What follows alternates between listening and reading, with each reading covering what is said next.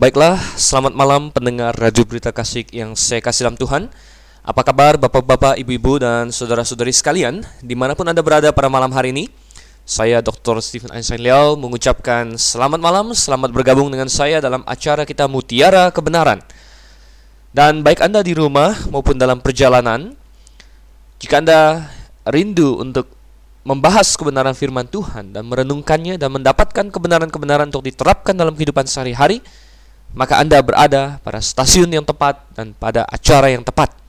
Mutiara Kebenaran di Radio Berita Klasik 828 AM yang mengudara setiap pukul 9 hingga pukul 10 malam. Bapak Ibu Saudara yang kasih Tuhan, kita akan segera memulai sesi kita pembahasan. Kita sudah sampai kepada kitab Keluaran dan kini kita ada dalam pasalnya yang ke-9. Kitab Keluaran pasal yang ke-9 jika Anda memiliki Alkitab dekat Anda, maka silakan membukanya bersama dengan saya pada saat ini karena kita akan membahas kebenaran firman Tuhan dan sebelumnya kita akan berdoa terlebih dahulu. Uh, mari kita tundukkan kepala, kita akan berdoa. Bapa di surga, uh, puji syukur dan hormat kami naikkan kepadamu. Sungguh indahlah kasih penyertaanmu bagi uh, setiap orang yang percaya kepadamu. Dan termasuk di dalamnya ya Tuhan adalah pemeliharaanmu akan firmanmu dan rohmu yang menerangi hati setiap orang yang rindu eh, mengerti akan firmanmu. Biarlah kami semua Tuhan, baik saya yang di eh, stasiun radio maupun para pendengar sekalian, sungguh-sungguh Engkau terangi hatinya untuk mengerti kebenaran firman-Mu terutama dalam kitab Keluaran. Terima kasih Tuhan, sekali lagi kami berdoa dalam nama Yesus Kristus, Tuhan dan juru selamat kami yang hidup. Amin. Mari kita buka bersama Keluaran pasalnya yang ke-9. Keluaran pasal yang ke-9. Coba kita baca ayat 1 hingga ayat yang ke-7 terlebih dahulu. Ayat 1 hingga ayat yang ke-7. Silahkan membuka dan saya akan bacakan untuk saudara sekalian. Berfirmanlah Tuhan kepada Musa, Pergilah menghadap Firaun dan berbicaralah kepadanya, Beginilah firman Tuhan Allah orang Ibrani. Biarkanlah umatku pergi supaya mereka beribadah kepadaku. Sebab jika engkau menolak membiarkan mereka pergi dan masih menahan mereka, maka ternakmu yang ada di padang, kuda, keledai, unta, lembu sapi dan kambing domba akan kena tulah Tuhan, yakni kena penyakit sampar yang dahsyat. Dan Tuhan akan membuat perbedaan antara ternak orang Israel dan ternak orang Mesir, sehingga tidak ada yang akan mati seekor pun dari segala ternak orang Israel. Selanjutnya Tuhan menentukan waktunya. Firman-Nya, besoklah Tuhan akan melakukan hal itu di negeri ini. Dan Tuhan melakukan hal itu keesokan harinya. Segala ternak orang Mesir itu mati, tetapi dari ternak orang Israel tidak ada seekor pun yang mati. Lalu Firaun menyuruh orang ke sana dan sesungguhnya lah dari ternak orang Israel tidak ada seekor pun yang mati. Tetapi Firaun tetap berkeras hati dan tidak mau membiarkan bangsa itu pergi. Sedikit mengingatkan kepada pendengar sekalian, mulai dari pasal yang ke-7 sampai dengan nanti pasalnya yang ke-11, Tuhan sedang berperang melawan dewa-dewi Mesir. Tuhan sedang menghantam dewa-dewi Mesir melalui berbagai tulah dan menghantam orang-orang Mesir beserta dengan Firaun raja mereka karena mereka telah gagal dan menolak untuk melepaskan orang-orang Israel yang Tuhan ingin selamatkan dari perbudakan mereka di Mesir. Saudara, kalau kita ingat kembali, Tuhan sudah menurunkan empat tulah sampai dengan pasal yang ke-8. Dan kita sudah lihat bagaimana setiap tulah melambangkan eh, kemenangan Tuhan atas dewa-dewi Mesir yang mereka eh, bangga-banggakan itu. Ketika pertama kali Musa dan Harun datang menghadap Firaun untuk menuntut dipulangkannya atau di keluarkannya, dibebaskannya orang Israel dari perbudakan Mesir, Firaun dengan pongah dan sombongnya menantang dan berkata, "Siapa itu Yehova? Siapa itu Tuhan? Aku tidak kenal dia sehingga aku harus mendengarkan firman-Nya." Dan Tuhan dari tiap tiap tulah yang dia turunkan ingin memastikan bahwa Firaun tidak akan pernah lupa lagi siapakah Yehova yang dia hadapi itu. Saudara, kita lihat di sini ada ada 10 tulah yang akan diturunkan oleh Tuhan dan kita sampai kepada tulah yang kelima di pasal 9 ini.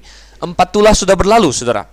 Nah, saya sudah jelaskan sedikit di sesi yang lalu bagaimana tulah-tulah ini bisa kita klasifikasi menjadi empat kelompok besar, empat kelompok.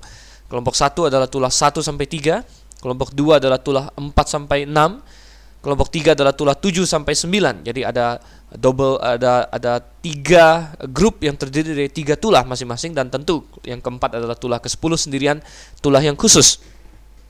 Nah, uh, setiap kelompok ini semuanya memiliki ciri-ciri yang sama di mana uh, tulah pertama dari tiap kelompok yaitu tulah satu, tulah empat dan tulah ketujuh itu disampaikan melalui peringatan terlebih dahulu Musa menemui Firaun pagi-pagi di Sungai Nil tempat uh, Firaun mandi. Tulah yang kedua dari setiap grup, jadi tulah kedua, kelima, dan ketujuh disampaikan dengan suatu peringatan, tetapi bukan lagi di sungai pagi-pagi, tetapi disuruh menghadap, yaitu menghadap di istananya Firaun. Dan tulah kelima termasuk dalam kategori ini. Jadi kita lihat bagaimana uh, Musa pergi menghadap kepada Firaun dan sekali lagi menyampaikan kepadanya uh, firman Tuhan. Biarkanlah umatku pergi supaya mereka beribadah kepadaku. Saudara, satu hal yang uh, manusia sepertinya sangat-sangat parah adalah mereka cepat sekali lupa firman Tuhan. Mereka cepat sekali lupa akan hal-hal yang penting bagi diri mereka. Oleh karena itulah di dalam gereja, di dalam persekutuan, kita harus selalu mengulang-ulang firman Tuhan. Dan itulah mengapa Tuhan ingin agar orang-orang percaya berkumpul secara rutin untuk mendengar khotbah. Saudara seorang Kristen yang katakanlah sudah bertobat selama 20 tahun, mungkin dari masa mudanya dan dia rajin aktif ke gereja, sampai dengan dia 20 tahun berada di gereja, saya rasa uh, sudah banyak sekali khotbah yang dia dengar dan uh, sudah banyak sekali apalagi kalau dia pergi ke gereja yang yang baik yang mengajarkan kebenaran yang mengkhotbahkan Alkitab secara sistematis Eh, maka dia sudah banyak mendengar firman Tuhan. Mungkin ada yang berpikir untuk apa lagi dia datang ke gereja. Dia sudah tahu semua itu. Mungkin kalau ada pengkhotbah yang masih baru, yang hijau, yang berkhotbah, mungkin mungkin dia sudah pernah dengar semua itu. Tapi saudara, apakah lalu artinya dia tidak perlu ke gereja? Apakah tidak penting bagi orang yang sudah uh, berpuluh-puluh tahun di gereja, sudah berpuluh-puluh tahun bertobat untuk menghadiri kebaktian? Oh, sama sekali tidak. Tuhan justru mengatakan bahwa uh, bukanlah suatu hal yang baik. Janganlah kamu menjauhkan diri dari pertemuan-pertemuan ibadah katanya di dalam Ibrani 10 ayat yang ke-25. Jadi uh, Tuhan tetap ingin orang-orang baik kesetua apa pun sudah berapa sering pun ikut kebaktian, ikut lagi karena firman Tuhan harus sering diulang-ulang, diulang-ulang. Uh, karena supaya ingat sudah yang Tuhan, supaya ingat dan supaya mengakar dan juga uh, sekali kita dengar belum tentu kita lakukan Pernah ada satu uh, ilustrasi yang saya baca tentang seorang pengkhotbah yang pindah, saudara. Dia pindah dari gereja kecil di pedesaan dia, dia pindah ke uh, sebuah gereja yang besar di perkotaan. Dan ketika dia pindah ke situ dan dia berkhotbah dia sebagai seorang pengkhotbah yang ulung, jemaatnya sangat senang. Wah, khotbahnya bagus sekali. Uh, kemudian saudara kasam Tuhan, mereka datang kembali karena khotbah itu hari Minggu pagi, mereka datang kembali uh, Minggu malamnya. Biasanya gereja-gereja yang uh, serius untuk mengajarkan firman Tuhan menghimbau agar jemaatnya datang dua kali dalam satu minggu minimal, dua kali yaitu dua kali pada hari Minggu dan satu kali pada hari Rabu. Jadi dua kali hari Minggu dan satu kali hari Rabu.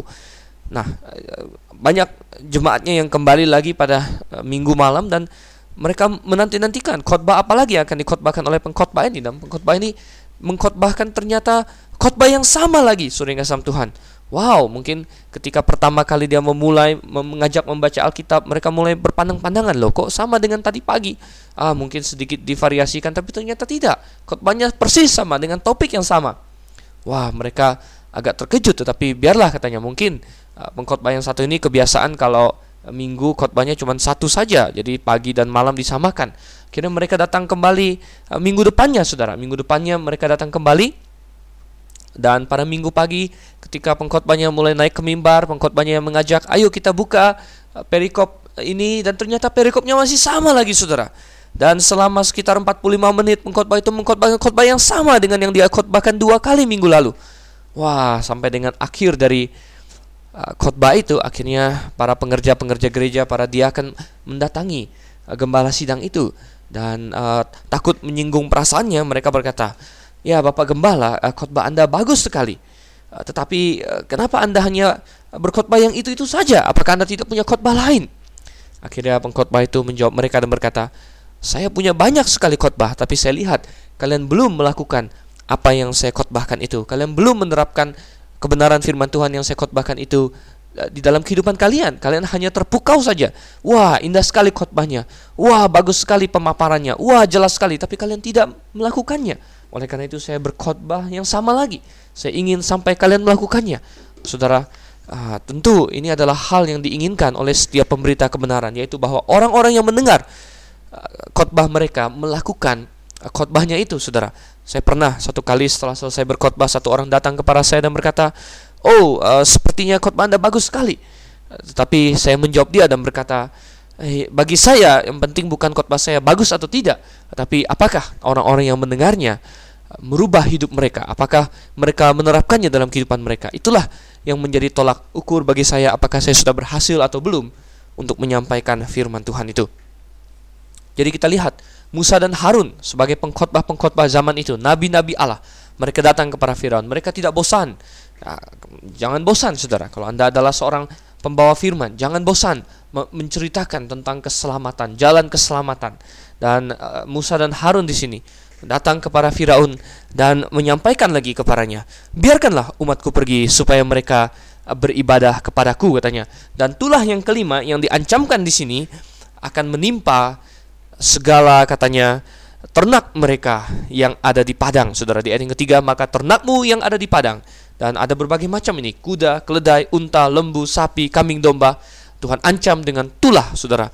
Dan tulah ini adalah penyakit sampar penyakit yang menyerang ternak. Tentu penyakit uh, spesifik apa yang sebenarnya menyerang mereka, apakah antraks, apakah penyakit sapi gila atau yang lain-lain kita tidak bisa pastikan. Yang jelas ini adalah penyakit yang menyerang hewan. Dan kalau kita perhatikan mulai dari uh, tulah-tulah ini, tulah grup pertama naik ke tulah grup kedua, ada peningkatan intensitas. Kalau Anda ingat, tulah pertama, grup pertama, 1, 2, 3, itu banyak merupakan uh, menyerang hal-hal yang membuat orang tidak nyaman, saudara. Air berubah menjadi darah, oh sangat tidak nyaman. Banyak katak di mana-mana, berlompatan di tempat tidurmu, di, di meja makanmu, oh sangat menyebalkan. Ada nyamuk berterbangan di mana-mana, tentu sangat uh, membuat orang risih. Tetapi kita melihat masuk ke grup kedua, wah ini mulai mulai tambah berat dan Tuhan meningkatkan intensitas hukuman di atas Mesir. Di mana tulah keempat lalat pikat dan kita sudah bahas ini. Uh, ini adalah sejenis binatang serangga yang menggigit manusia dan menimbulkan kesakitan, saudara. Dan menggigit juga binatang mungkin. Uh, dan kita lihat, oh mereka sakit dan yang kelima ini, tulah yang kelima diancamkan juga semakin parah, yaitu tulah kepada binatang-binatang yang akan membuat mereka mati. Dan kalau itu terjadi, Tentunya itu adalah kehancuran yang luar biasa yang akan melumpuhkan mungkin uh, sekian persen dari uh, ekonomi perekonomian Mesir, saudara. Tetapi Tuhan mengancamkan hal ini, ya. Segala katanya ternakmu, ternakmu yang ada di padang. Saudara menarik sekali dikatakan ternak yang ada di padang. Jadi sepertinya ternak yang kebetulan tidak ada di padang akan selamat. Karena kalau kita lihat nanti di tulah ketujuh, rupanya memang masih ada ternak yang dimiliki orang Mesir. Eh, mereka masih punya ternak karena tulah ketujuh adalah kita akan baca nanti adalah hujan es yang akan membunuh banyak sekali ternak. Jadi rupanya lolos dari tulah kelima masih ada banyak ternak yang akan mati nanti di tulah ketujuh. Jadi segala ternak di sini uh, adalah tentunya dikualifikasi dengan istilah segala ternak di padang. Ya, jadi ada memang ternak-ternak yang lolos, tetapi ini adalah ancaman yang serius, saudara. Dan Tuhan Eh, sekali lagi memberikan satu tanda kepada uh, Firaun bahwa sungguh ini bukanlah uh, suatu epidemi biasa, ini bukan suatu penyebaran penyakit yang luar biasa yang terjadi secara alami, ini adalah tangan Tuhan. Ini adalah Tuhan yang melakukannya dan uh, Tuhan akan menunjukkan itu dengan cara membuat perbedaan antara ternak Mesir dengan ternak Israel. Dan sungguh Tuhan juga memberikan waktunya. Jadi waktu atau timing dari mukjizat kadang-kadang itu sangat penting sekali ada orang yang berkata misalnya bahwa uh, kota Jericho hancur setelah dikelilingi tujuh kali oleh orang Israel. Oh itu bukan mukjizat katanya. Bisa saja gempa bumi uh, membuat itu terjadi. Kalau gempa bumi cukup dahsyat kan tembok kota juga runtuh katanya. Benar saudara, gempa bumi yang cukup dahsyat uh, bisa meruntuhkan tembok kota. Dan barangkali memang Tuhan memakai gempa bumi untuk menghancurkan tembok kota Jericho setelah dikelilingi tujuh hari oleh orang Israel. Tetapi nyatanya adalah timingnya Kenapa? Justru pada saat yang telah Tuhan tentukan uh, bisa terjadi hal seperti itu, bisa uh, ada kehancuran tembok di situ, bisa ada gempa bumi kalau memang Tuhan pakai gempa bumi. Jadi timing dari uh, suatu kejadian juga merupakan bukti dari mukjizat itu kalau memang orang sudah bisa memprediksi timingnya. Dan di sini Tuhan bilang besok katanya ya besok Tuhan akan melakukan ini supaya Firaun tidak punya alasan dan tidak bisa berdalih bahwa dia tidak tahu dia sudah diberitahu besok akan terjadi dan benar saudara ketika besoknya maka ternak-ternak mereka mulai sakit. Dan mulai sakit dan mereka mulai mati. Mungkin berjatuhan satu demi yang lain. Saudara saya tahu bagi orang-orang yang mata pencahariannya bergantung kepada binatang-binatang ini uh, matinya binatang-binatang yang merupakan mata pencaharian mereka merupakan sesuatu yang sangat menegangkan, sangat membuat stres. Ya, kalau Anda adalah orang yang uh, beternak ayam, beternak babi, beternak sapi, Saudara, lalu binatang-binatang yang telah Anda pelihara telah makan uh, uang Anda, Anda telah membelikan makanan yang enak bagi mereka untuk menggemukkan mereka dengan harapan menjual mereka, lalu Anda melihat ada penyakit yang menimpa dan mereka mati satu persatu. Oh, itu bagaikan suatu pemandangan yang sangat mengenaskan. Dan tentunya demikianlah yang terjadi pada banyak sekali orang Mesir. Dan kita lihat bahwa ini adalah serangan Tuhan terhadap uh, dewa mereka karena orang Mesir. Uh, dengan segala kepintaran mereka ternyata masih sangat bodoh untuk menyembah binatang. Dan memang banyak sekali binatang yang disembah oleh Mesir. Dan salah satunya adalah dewa Apis yang digambarkan sebagai sapi jantan atau banteng. Sapi jantan yang perkasa. Dan ada banyak nama untuk dia. Ada dewa petah ada dewa Hathor ada Anubis yang adalah anjing, saudara dewa anjing, dan semuanya itu uh, termasuk binatang-binatang yang disembah oleh Mesir. Dan kita melihat uh, Tuhan pastinya tertawa dan tersenyum di surga karena orang Mesir yang menyembah sapi sekarang secara esensi menyembah sapi gila, saudara, sapi yang sedang sakit. Nah, ini adalah bagaimana Tuhan mempermain-mainkan orang-orang dunia yang tidak kenal hikmat Allah. Dan Tuhan membedakan di sini antara orang Mesir dengan orang Israel. Ketika akhirnya banyak uh, dari antara ternaknya yang mati Firaun diam-diam untuk mengetes perkataan Musa benar atau tidak mengutus orang untuk menyelidiki adakah ternak-ternak Israel yang mati juga? Ternyata tidak ada seekor pun. Tidak ada seekor pun. Oh luar biasa sekali. Tuhan membuat perbedaan antara orang-orang Mesir dan orang Israel. Saudara uh, saya ingin Anda untuk pahami bahwa Tuhan memang membuat perbedaan antara manusia. Oh tidak Tuhan tidak membeda-bedakan berdasarkan golongan, Tuhan tidak membeda-bedakan berdasarkan suku. Tuhan tidak um, membeda-bedakan berdasarkan Anda bangsa ini, Anda bangsa itu, Anda suku ini, Anda suku itu. Tidak, Tuhan tidak melihat itu. Tuhan juga tidak melihat apakah Anda laki-laki atau wanita. Bukan berarti tidak ada perbedaan fungsi, tapi martabat mereka sama di hadapan Allah. Tuhan tidak membedakan antara uh, orang kaya, orang miskin. Oh, sama sekali tidak, Saudara. Tapi ada satu hal yang Tuhan bedakan di hadapan Allah. Camkan ini, Saudara, di hadapan Allah hanya ada dua tipe manusia. Di hadapan Allah hanya ada dua tipe manusia, yaitu manusia yang ada di dalam Yesus dan manusia yang tidak ada di dalam Yesus Kristus. Manusia yang ada di dalam Yesus Kristus adalah mereka yang sudah percaya dan bertobat dengan sungguh-sungguh percaya kepada Yesus Kristus itu yang telah menanggung dosa mereka. Sedangkan manusia yang belum berada dalam Yesus Kristus adalah mereka yang belum bertobat dan menerima Yesus Kristus sebagai Tuhan dan juru selamat. Dan camkanlah bahwa hanya ada dua golongan ini yang berarti di hadapan Allah dan sungguh Tuhan membuat perbedaan di antara mereka. Mereka yang sudah percaya Yesus, maka Tuhan Yesus sudah menanggung dosa mereka dan mereka diberi status sebagai anak-anak Allah. Alkitab bahkan menyebut mereka sebagai orang-orang kudus. Dan uh, sungguh mereka adalah orang-orang yang menjadi ahli waris segala janji yang ada dalam Alkitab. Kalau Anda belum percaya pada Yesus Kristus, Anda tidak bisa mengklaim satupun janji dalam Alkitab. Tuhan berjanji akan menyertai setiap orang percaya sampai kepada akhir zaman. Oh, itu bukan bagi Anda kalau Anda belum menerima dia. Tuhan berjanji untuk memenuhi segala kebutuhan anak-anaknya. Itu adalah bagi orang-orang yang percaya padanya. Tuhan telah berjanji, saudara, untuk membawa orang-orang yang percaya kepadanya ke sorga, ke tempat di mana dia berada. Dan sungguh, Tuhan membuat perbedaan antara orang Israel dan Mesir dan Tuhan akan membuat perbedaan antara orang-orang yang uh, sudah percaya kepada Yesus Kristus dan orang-orang yang belum. Dan saudara, walaupun tanda sudah sedemikian jelas, uh, walaupun uh, tidak bisa diragukan lagi bahwa Tuhanlah yang mendatangkan penyakit ini, tetapi kita lihat bagaimana Firaun tetap berkeras hati. Menarik sekali saudara, sampai dengan tulah yang kelima dari tulah 1 sampai tulah 5 selalu kita dapatkan bahwa Firaun berkeras hati atau atau hati Firaun berkeras. Tidak kita dapatkan dari tulah 1 sampai tulah 5 kita tidak mendapatkan Tuhan mengeraskan hati Firaun. Memang belakangan nanti akan ada Tuhan mengeraskan hati Firaun, tapi tulah 1 sampai tulah 5 tidak ada saudara.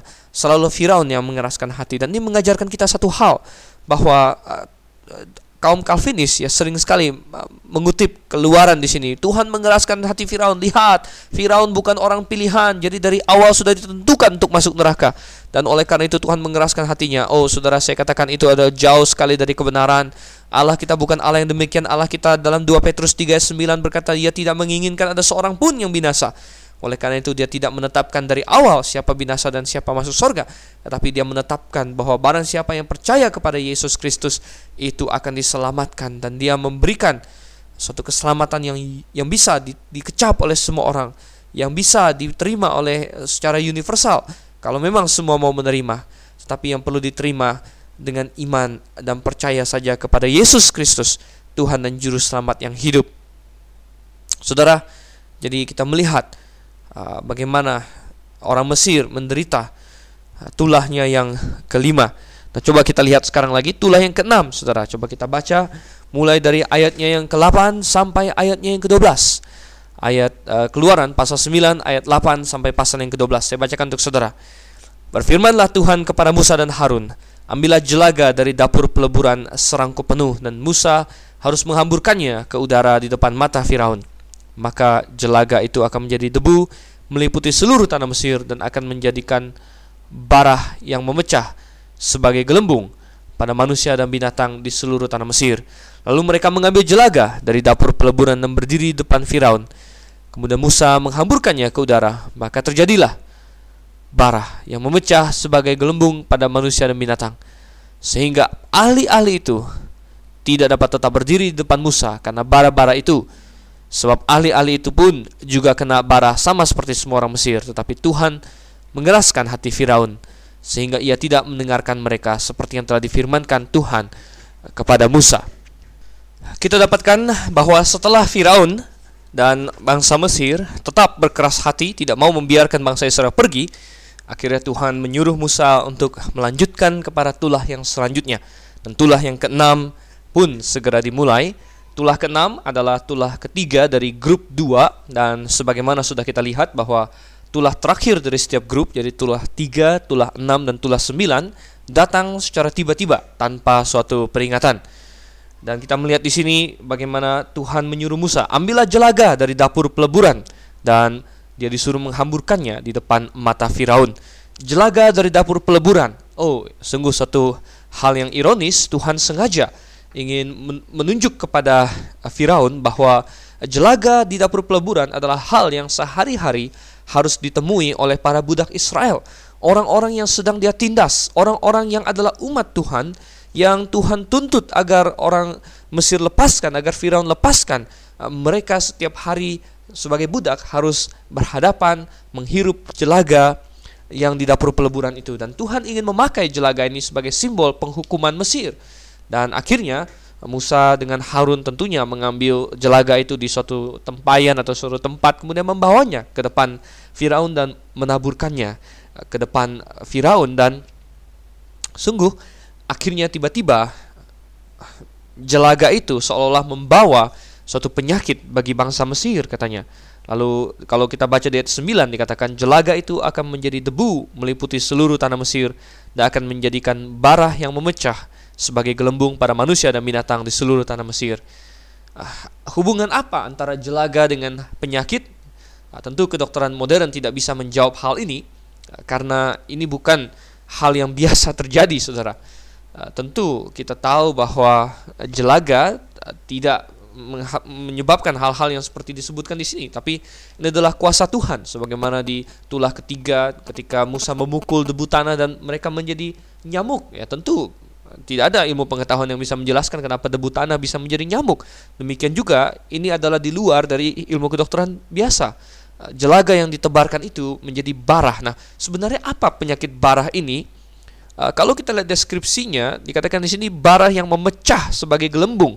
Jadi uh, sepertinya ini adalah suatu penyakit kulit, ya, penyakit kulit. Jadi kulit itu mulai menggelembung, kemudian dia akan pecah, dan ini menimpa baik manusia maupun binatang. Kalau kita lihat deskripsinya, sepertinya ini adalah suatu penyakit kulit yang akan menonjol, menggelembung bagaikan seperti semacam bisul, kemudian dia akan pecah dan kemungkinan besar mengeluarkan cairan-cairan nanah kah atau pus kah. Dan ini semua tentunya membawa kesakitan yang luar biasa. Orang yang sudah pernah sakit bisul tentunya tahu apa yang kita bicarakan, tahu apa yang dimaksud di sini.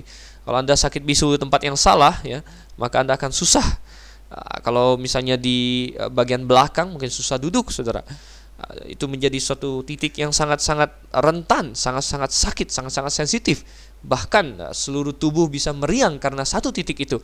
Anda bisa bayangkan kalau tulah yang telah Tuhan turunkan ini adalah hal yang lebih parah lagi dengan rasa sakit yang lebih tinggi lagi dan yang menutupi mungkin bukan hanya satu tempat namun di banyak tempat dalam tubuh seseorang saudara. Oh tentunya ini adalah suatu Ah, malapetaka yang sangat luar biasa, sangat sangat menyiksa dan mulai dari tulah keenam ini kita melihat Tuhan mulai menyentuh hidup manusia di uh, Mesir ya. Selama ini uh, di grup satu adalah berbagai hal yang merupakan iritasi, hal yang sangat-sangat menjengkelkan. Kemudian kita melihat uh, di grup kedua mulai terjadi berbagai perusakan, penghancuran. Dan di tulah keenam ini dimulailah ancaman terhadap nyawa manusia sekalipun dan ini hanya semacam prekursor atau pendahulu dari tulah ke-10 nanti yang benar-benar akan membunuh nyawa manusia. Barah saudara yang kasam Tuhan. Kita melihat bahwa orang Mesir ya mereka apa apa yang diserang oleh Tuhan melalui barah ini. Kita tahu bahwa setiap tulah biasanya menyerang satu dewa tertentu dari orang Mesir. Bagaimana dengan barah ini? Saudara, orang Mesir memiliki suatu peraturan bahwa imam-imam mereka, ya, imam-imam mereka dan ahli-ahli sihir mereka yang memimpin mereka dalam penyembahan di berbagai kuil, yang memimpin mereka dalam mempersembahkan korban kepada dewa sana dewa sini, orang-orang yang menjalankan tugas eh, keimamatan itu atau tugas uh, para para imam-imam kuil-kuil mereka, maka orang-orang ini haruslah orang-orang yang sehat. Tidak boleh yang sedang sakit apalagi sedang berbisul. Nah, Tuhan menyerang sistem penyembahan di Mesir di sini. Bukan suatu dewa tertentu, tapi sistem penyembahan di Mesir secara keseluruhan. Nah, karena orang Mesir telah menetapkan bahwa imam-imam mereka yang sedang ada bisul atau sedang ada penyakit tidak boleh melayani. Dan ketika barah ini muncul pada semua orang di Mesir, maka secara otomatis untuk sekian lama segala penyembahan di kuil-kuil Mesir dihentikan dan ini adalah cara Tuhan untuk menyerang mereka. Dan kalau kita baca di ayat yang ke-11, kita melihat bahwa ahli-ahli, ahli-ahli sihir yang dalam 2 Timotius 3 diidentifikasikan oleh Paulus sebagai Yanes dan Yambres pun terkena uh, bara-bara ini. Ya, mereka juga ikut terkena. Dan ini menunjukkan bahwa sungguh semua tatanan Mesir terkena Saudara, pernahkah Anda berpikir bahwa manusia sebenarnya adalah makhluk yang sedemikian rentan, sedemikian lemah? Kadang-kadang manusia dalam kesombongannya lupa akan hal ini. Banyak orang ya yang eh, tidak beragama atau yang bahkan beragama yang tidak jelas ya, mereka sering sering berkata bahwa ah eh, uang uang saya ya kalau kita orang Kristen berdoa misalnya saya sering mendengar ejekan Saudara. Anda Anda pernah tidak Anda mungkin makan apakah di keluarga Anda apakah di tempat umum Anda menutup mata dan berdoa lalu ada yang mengejek Saudara. Untuk apa Anda berdoa? Bukan Tuhan yang memberikan makanan itu ya. Uh, atau mungkin ada orang yang mentraktir Anda ya dan Anda berdoa lalu dia mencemooh Anda dan berkata eh, ngapain kamu berdoa terima kasih sama Tuhan saya yang belikan makanan ini banyak orang seperti itu saudara banyak orang berpikir, ah ini hidup-hidup saya, ya. Ini uang-uang saya, saya yang berhasil melakukannya. Tanpa mereka sadar betapa lemah manusia. Manusia yang sedang dalam kepongahannya sering lupa akan hal ini. Tetapi penyakit adalah salah satu cara, salah satu sarana yang Tuhan pakai untuk mengingatkan bahwa manusia itu sebenarnya adalah makhluk yang lemah, saudara. Oh, makhluk yang sangat lemah sekali. Daud pernah mungkin ketika dia berbaring di padang rumput dan dia melihat kepada bintang, kepada planet-planet, kepada uh, pohon yang ratusan tahun yang tinggi kokoh uh, dia melihat kepada semua itu dan dia bertanya oh Tuhan uh, siapakah manusia sehingga engkau mengindahkannya? Apakah anak manusia? Saudara, kalau kita melihat keagungan Tuhan, alam semesta yang Dia ciptakan, kita harus ingat betapa kecil dan lemah kita sebenarnya. Kita bergantung seluruhnya kepada Dia. Oh manusia yang sedang dalam primanya, laki-laki atau wanita umur 20-an, 30-an masih sehat. Wah, biasanya sombong, sudah kasih Tuhan. Biasanya mereka berpikir, ya saya masih bisa, uh, tidak mau pedulikan Tuhan dulu, jangan pikirkan gereja, jangan pikirkan kebenaran. Oh, saya masih kuat, saya masih mau menghidupi hidup saya sampai sepenuh-penuhnya. Saudara tanpa mereka sadar sebenarnya betapa lemah manusia itu. Sedikit penyakit saja sedikit hal yang salah saja dalam tubuh manusia. Sebagai seorang dokter umum, saya sudah banyak mempelajari hal ini. Bagaimana di, di tubuh manusia ini bisa ada seribu satu hal yang salah, saudara. Karena tubuh kita sedemikian kompleks, ya salah sedikit saja menimbulkan penyakit. Ada lebih dari seribu jenis penyakit uh, bagi tubuh manusia. Anda misalnya hal-hal yang remeh-temeh yang mungkin tidak kita perhatikan selama ini. Ya kalau misalnya satu sendi saja, satu sendi saja saudara. Anda tahu bahwa tubuh manusia terdiri dari berapa berapa tulang dan berapa sendi. Tapi satu sendi saja, misalnya sendi ibu jari eh, kaki Anda, ya terkena gout, terkena asam urat saudara, dan itu membengkak, maka eh, penyakit itu mengenai satu satu sendi saja bisa membuat Anda tidak bisa berjalan, ya tidak bisa bergerak ke mana-mana.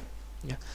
Eh, banyak penyakit yang aneh-aneh, saudara uh, tubuh kita punya sistem pertahanan tubuh untuk untuk menyerang kuman yang masuk. Tetapi apa jadinya kalau terjadi salah informasi sedikit saja dan sistem antibodi kita, sistem pertahanan tubuh kita menyerang tubuh kita sendiri. Oh, banyak terjadi. Ada berbagai penyakit autoimun ya. Uh, sampai penyakit lupus, penyakit yang uh, sindrom berbagai sindrom ya. Bagaimana dengan alergi? Ya, itu juga adalah sistem pertahanan tubuh kita yang berlebihan ya, yang yang uh, istilahnya overreact ya, overreact. Dia berlebihan untuk menangani benda asing yang masuk ya. Nah, ini semua Saudara uh, memperlihatkan kepada kita betapa betapa lemahnya manusia. Satu saja yang salah. Ah, sudah hidup ini sudah kacau. Uh, satu saja pembuluh darah kecil di otak tersumbat sedikit, maka orang itu bisa bisa over atau bisa stroke ya.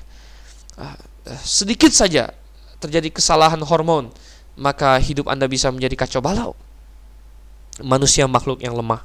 Seharusnya lah uh, kita mencamkan apa yang Alkitab katakan misalnya dalam Yakobus ya, dalam Yakobus pasalnya yang keempat Saudara. Ayat yang ke-13 sampai yang ke-17. Jadi sekarang hai kamu yang berkata, hari ini atau besok kami berangkat ke kota Anu dan di sana kami akan tinggal setahun dan berdagang serta mendapat untung sedang kamu tidak tahu apa yang akan terjadi besok. Apakah arti hidupmu? Hidupmu itu sama seperti uap yang sebentar saja kelihatan lalu lenyap.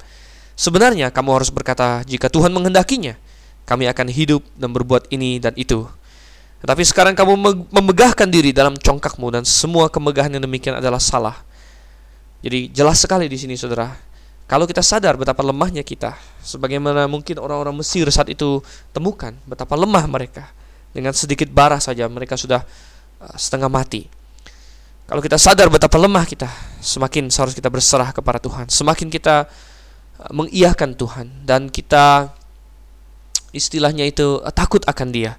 Dan kita semakin memperhitungkan Tuhan dalam segala rencana kita. Benarlah yang dikatakan oleh pemazmur ya dalam Mazmur pasal yang ke-90 adalah Musa juga yang menuliskan ini Saudara. Musa yang menuliskan kitab Keluaran pasal 9 Musa juga yang menulis Mazmur pasal yang ke-10 ayat yang ke-12. Ajarlah kami menghitung hari-hari kami sedemikian hingga kami beroleh hati yang bijaksana. Kalau manusia bisa sadar akan kelemahan tubuhnya, oh betapa dia harus uh, datang kepada Tuhan, datang kepada Tuhan dan belajar menghitung hari-harinya.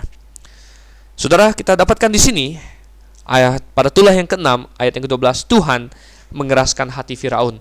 Ini adalah tulah yang pertama di mana dikatakan Firaun dikeraskan hatinya oleh Tuhan. Jadi lima tulah pertama Firaun mengeraskan hatinya sendiri. Nah barulah lima tulah terakhir ada dikatakan bahwa Tuhan mengeraskan hati Firaun. Bukankah ini satu hal yang menarik saudara? Bahwa ternyata ternyata ya manusia tidak bisa menyalahkan Tuhan kalau dia tidak bertobat dan percaya. Dan Tuhan tidak dari awalnya sudah mematok mati orang. Pokoknya saya ciptakan orang ini tidak bisa percaya kepada saya. Dia bukan orang pilihan. Saya tidak pilih dia. Bukan, bukan seperti itu. Ada suatu pilihan yang pasti, Saudara. Manusia bisa memilih. Kalau manusia tidak bisa memilih, maka tidak ada gunanya saya memberitakan Injil. Tidak ada gunanya Anda pergi untuk uh, mengabarkan Yesus Kristus kepada orang lain. Karena sudah dipatok mati. Ya. Uh, kalau dia dipatok mati bukan orang pilihan, ya dia tidak bisa percaya. Mau Anda sampai berbusa, mau malaikat Mikhail, Gabriel sekalipun menyampaikan Injil padanya, dia tidak akan percaya. Dia bukan orang pilihan.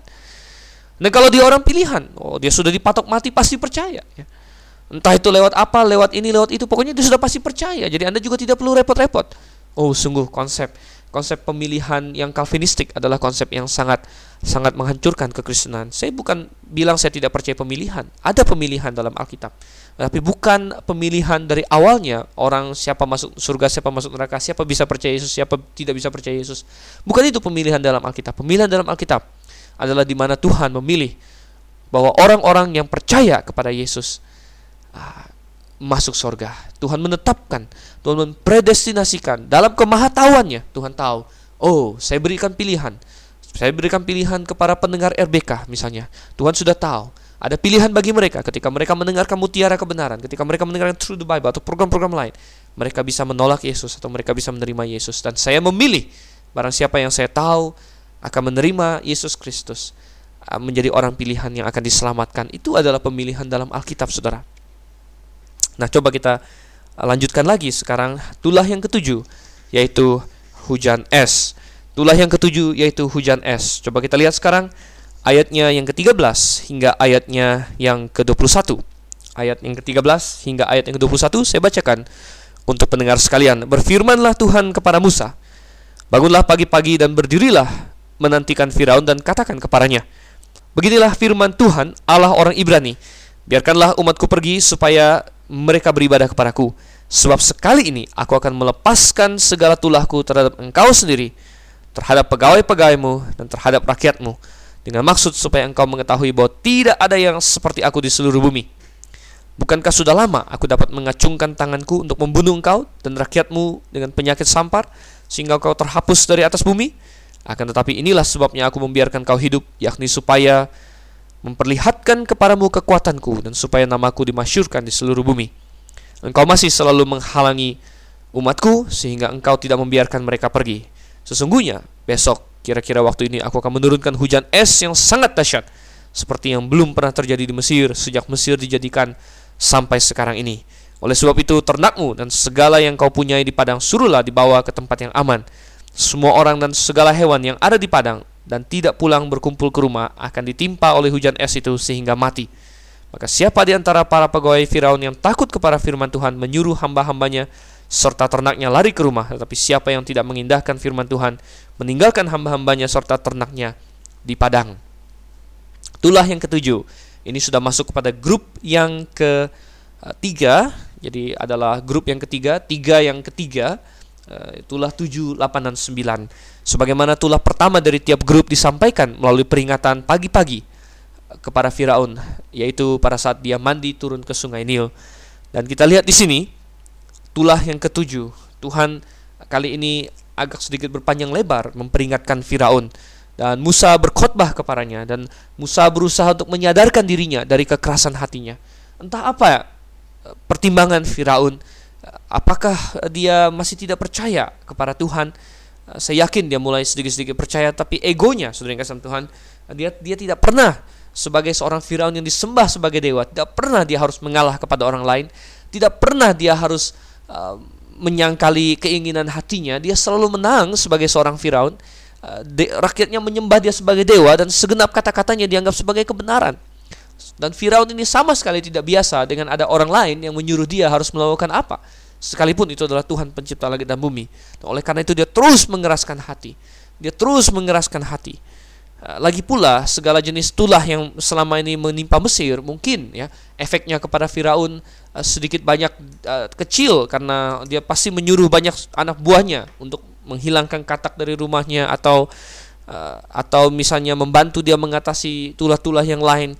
Tetapi kali ini Tuhan bilang, aku akan melepaskan tulahku sepenuhnya baik kepada engkau, kepada pegawai-pegawaimu dan kepada negerimu. Jadi Tuhan di sini eh, memperingatkan dia akan eh, bahwa akan terjadi peningkatan dari dahsyatnya tulah-tulah itu dan memang benar grup yang ketiga akan membawa banyak kematian di antara tulah-tulah itu. Dan di sini kita melihat Tuhan berkata, sebenarnya kalau aku ingin melenyapkan kau sudah gampang sekali. Jadi kita melihat bahkan di tengah-tengah tulah pun ada kasih karunia Tuhan, ada kemurahan Tuhan. Tuhan membeberkan kepada Firaun, "Oh, kalau saya mau bisa saja tulah sampar itu mengenai manusia dan kau mati.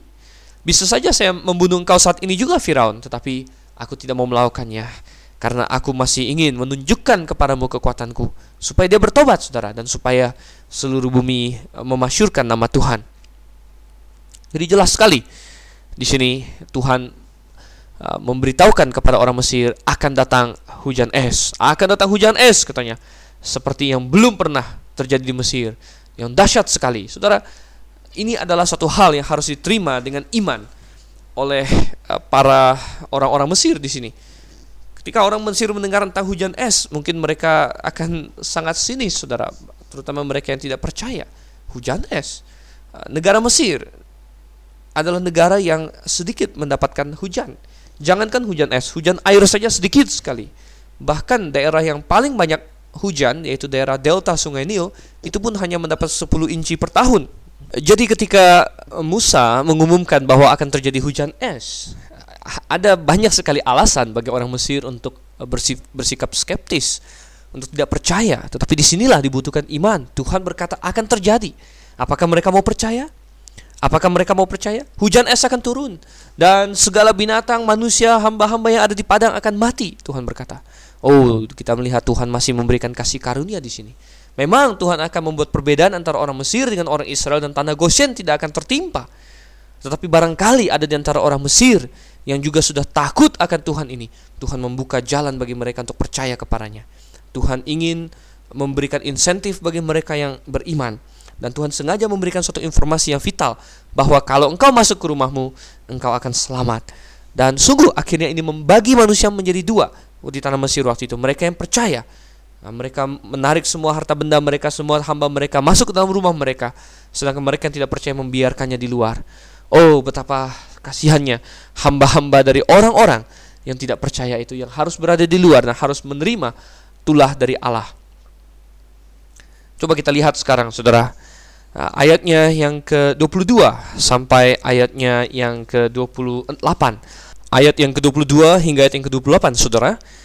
Berfirmanlah Tuhan kepada Musa, ulurkanlah tanganmu ke langit supaya hujan es turun di seluruh tanah Mesir, menimpa manusia dan binatang dan menimpa tumbuh-tumbuhan di padang di tanah Mesir.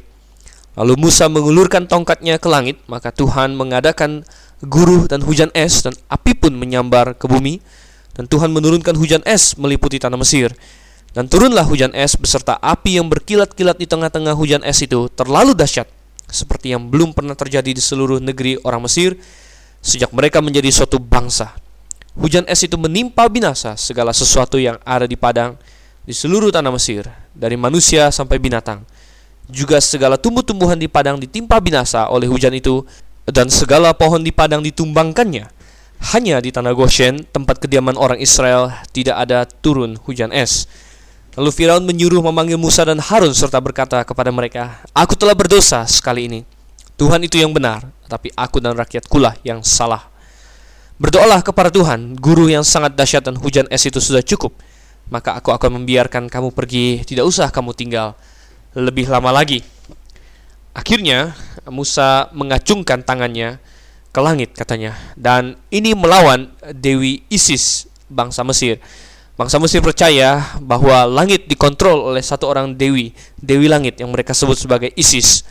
Dan Isis ini adalah tokoh yang cukup uh, populer di Mesir. Katanya air mata Isis lah yang akhirnya meluap dan menjadi sungai Nil dan mereka punya banyak kuil untuk menghormati Isis. Tetapi kita melihat Isis, Dewi Mesir, tidak mampu berkuasa atas wilayahnya sendiri. Dan ketika Musa mengacungkan tangannya ke langit, maka dari situ juga Tuhan menurunkan hujan es. Sebenarnya manusia, secanggih-canggihnya manusia, manusia belum bisa um, mengontrol cuaca. Jangankan mengontrol, memprediksikan pun belum bisa, saudara. Buktinya kalau Anda melihat perakiraan cuaca, berapa kali dikatakan hujan ternyata tidak hujan. Berapa kali dikatakan tidak hujan ternyata hujan, Saudara. Dan manusia selalu salah memprediksikan uh, cuaca. Jadi jangankan mengontrol, memprediksikan pun tidak bisa. Dan walaupun secara nalar akal sehat kita daerah seperti Mesir itu tidak mungkin hujan es, tapi ternyata bisa saja ada fenomena-fenomena seperti ini terjadi. Saya masih ingat beberapa tahun lalu di koran muncul bahwa di suatu daerah di Jakarta sekitar Bekasi sempat turun hujan es, Saudara. Dan hujan es sebesar batu-batu kecil jatuh dan rakyat yang di dalam rumah ya mendengar suara seperti batu ya es yang menimpa uh, atap mereka, apalagi mereka yang punya atap seng akan jelas sekali terdengar. Jadi Indonesia sebagai wilayah tropis ternyata bisa juga ya punya hujan es ya. Nah, kalau kita lihat di dalam Alkitab Ayub 38 ayatnya yang ke-22 saya bacakan saja untuk saudara Ayub 38 ayat 22 Apakah engkau telah masuk sampai ke perbendaharaan salju atau melihat perbendaharaan hujan batu yang kusimpan untuk masa kesesakan untuk waktu pertempuran dan peperangan? Tuhan memiliki caranya untuk menyimpan ya hujan es, hujan batu dan lain-lainnya untuk ditimpakan kepada orang-orang yang eh, telah dia persiapkan itu, Saudara.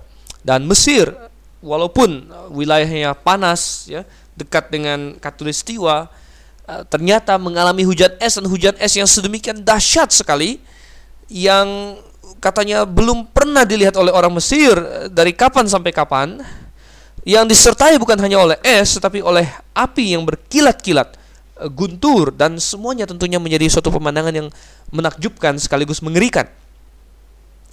Nah, sungguh apa yang Tuhan ancamkan itu terjadi dan ya bersukacitalah mereka yang telah percaya dan telah mempersiapkan diri. Mereka yang telah menyuruh ternaknya dan menyuruh orang-orangnya untuk eh, pulang kembali ke rumah.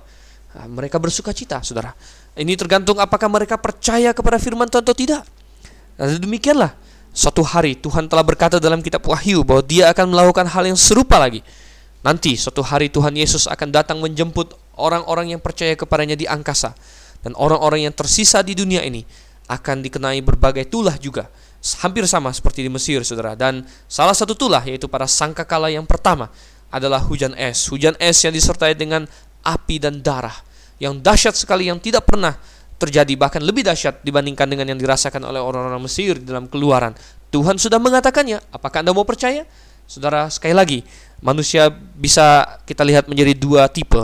Orang yang mau percaya kepada Tuhan dan bertindak, saudara, atau mereka yang tidak percaya. Uh, kalau bilang percaya tapi tidak bertindak, itu juga percuma, saudara. Anda bisa bilang, oh saya tahu tentang Yesus Kristus, saya sudah pernah dengar tentang dia, saya tahu dia Tuhan, saya tahu kekristenan adalah jalan yang benar, tapi Anda tidak pernah menerima dia, bertobat dan percaya kepadanya sebagai Tuhan dan Juru Selamat, tahu saja tidak akan menolong Anda. Tapi Anda harus mengambil aksi untuk menerima apa yang telah Anda tahu itu, percaya kepadanya. Dan orang yang percaya kepadanya tentu menghasilkan buah-buah, saudara. Jadi kita lihat, Tuhan mengatakannya, ada orang yang bersiap, ada yang tidak bersiap. Apakah Anda mau bersiap? Tuhan sudah mengatakan bahwa setiap orang yang mati di dalam dosa-dosanya, dia akan masuk neraka. Tapi Tuhan menyediakan jalan keluar melalui Yesus Kristus, bahwa barang siapa yang mau percaya kepadanya, tidak binasa melainkan beroleh hidup yang kekal. Anda yang tipe percaya dan dan bertindak, Anda mau percaya kepadanya atau Anda tidak mau percaya kepadanya. Hari Tuhan akan datang dan Anda akan mempertanggungjawabkan hal itu di hadapannya, di hadapan hakim dari segala hakim. Nah, kita lihat Saudara. Akhirnya karena dahsyatnya eh, segala hujan es itu, Firaun pun eh, terpaksa mengalah.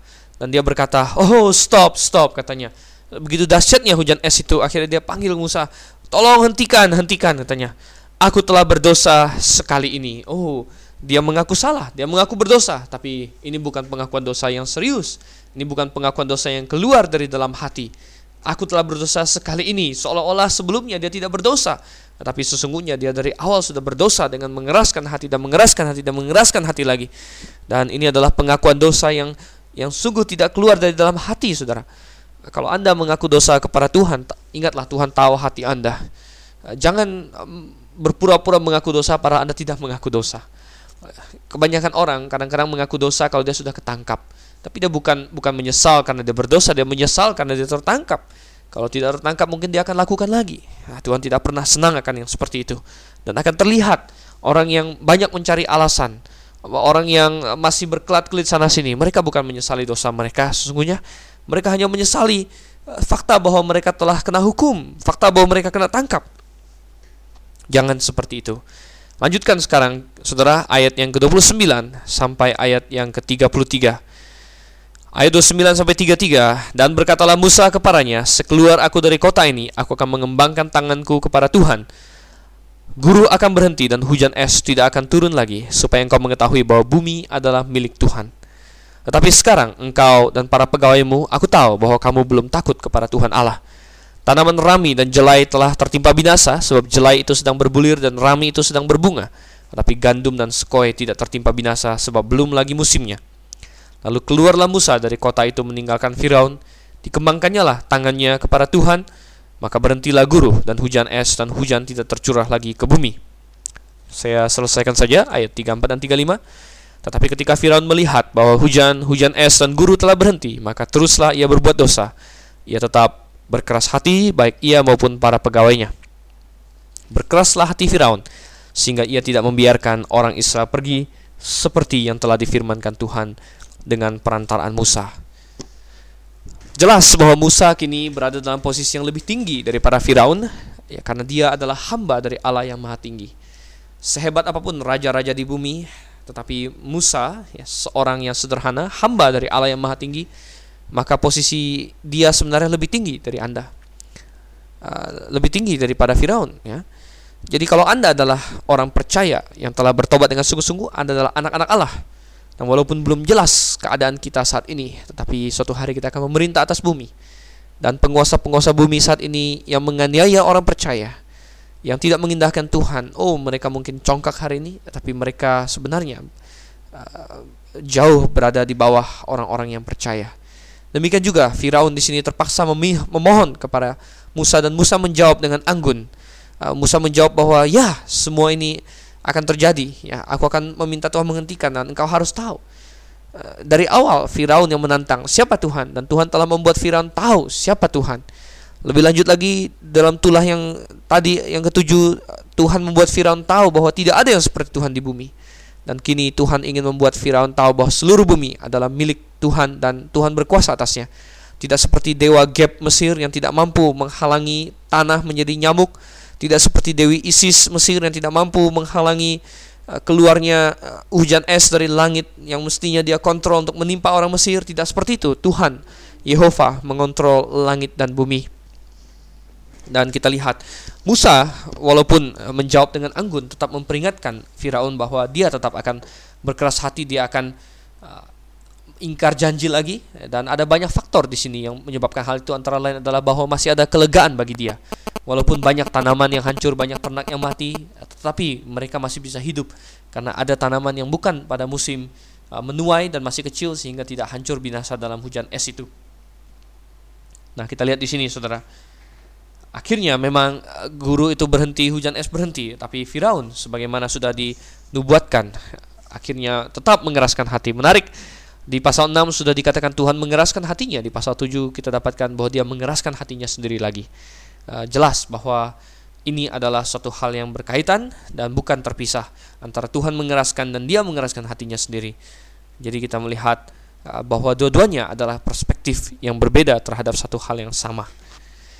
Baik saudara, salah satu hal yang perlu kita pelajari dari Keluaran pasal yang ke-9 adalah bahwa kita perlu mengambil sikap percaya kepada Tuhan dan Tuhan membedakan antara orang yang percaya kepadanya dan yang tidak percaya kepadanya. Marilah kita berikan syukur dan hormat kepada Tuhan yang menciptakan kita.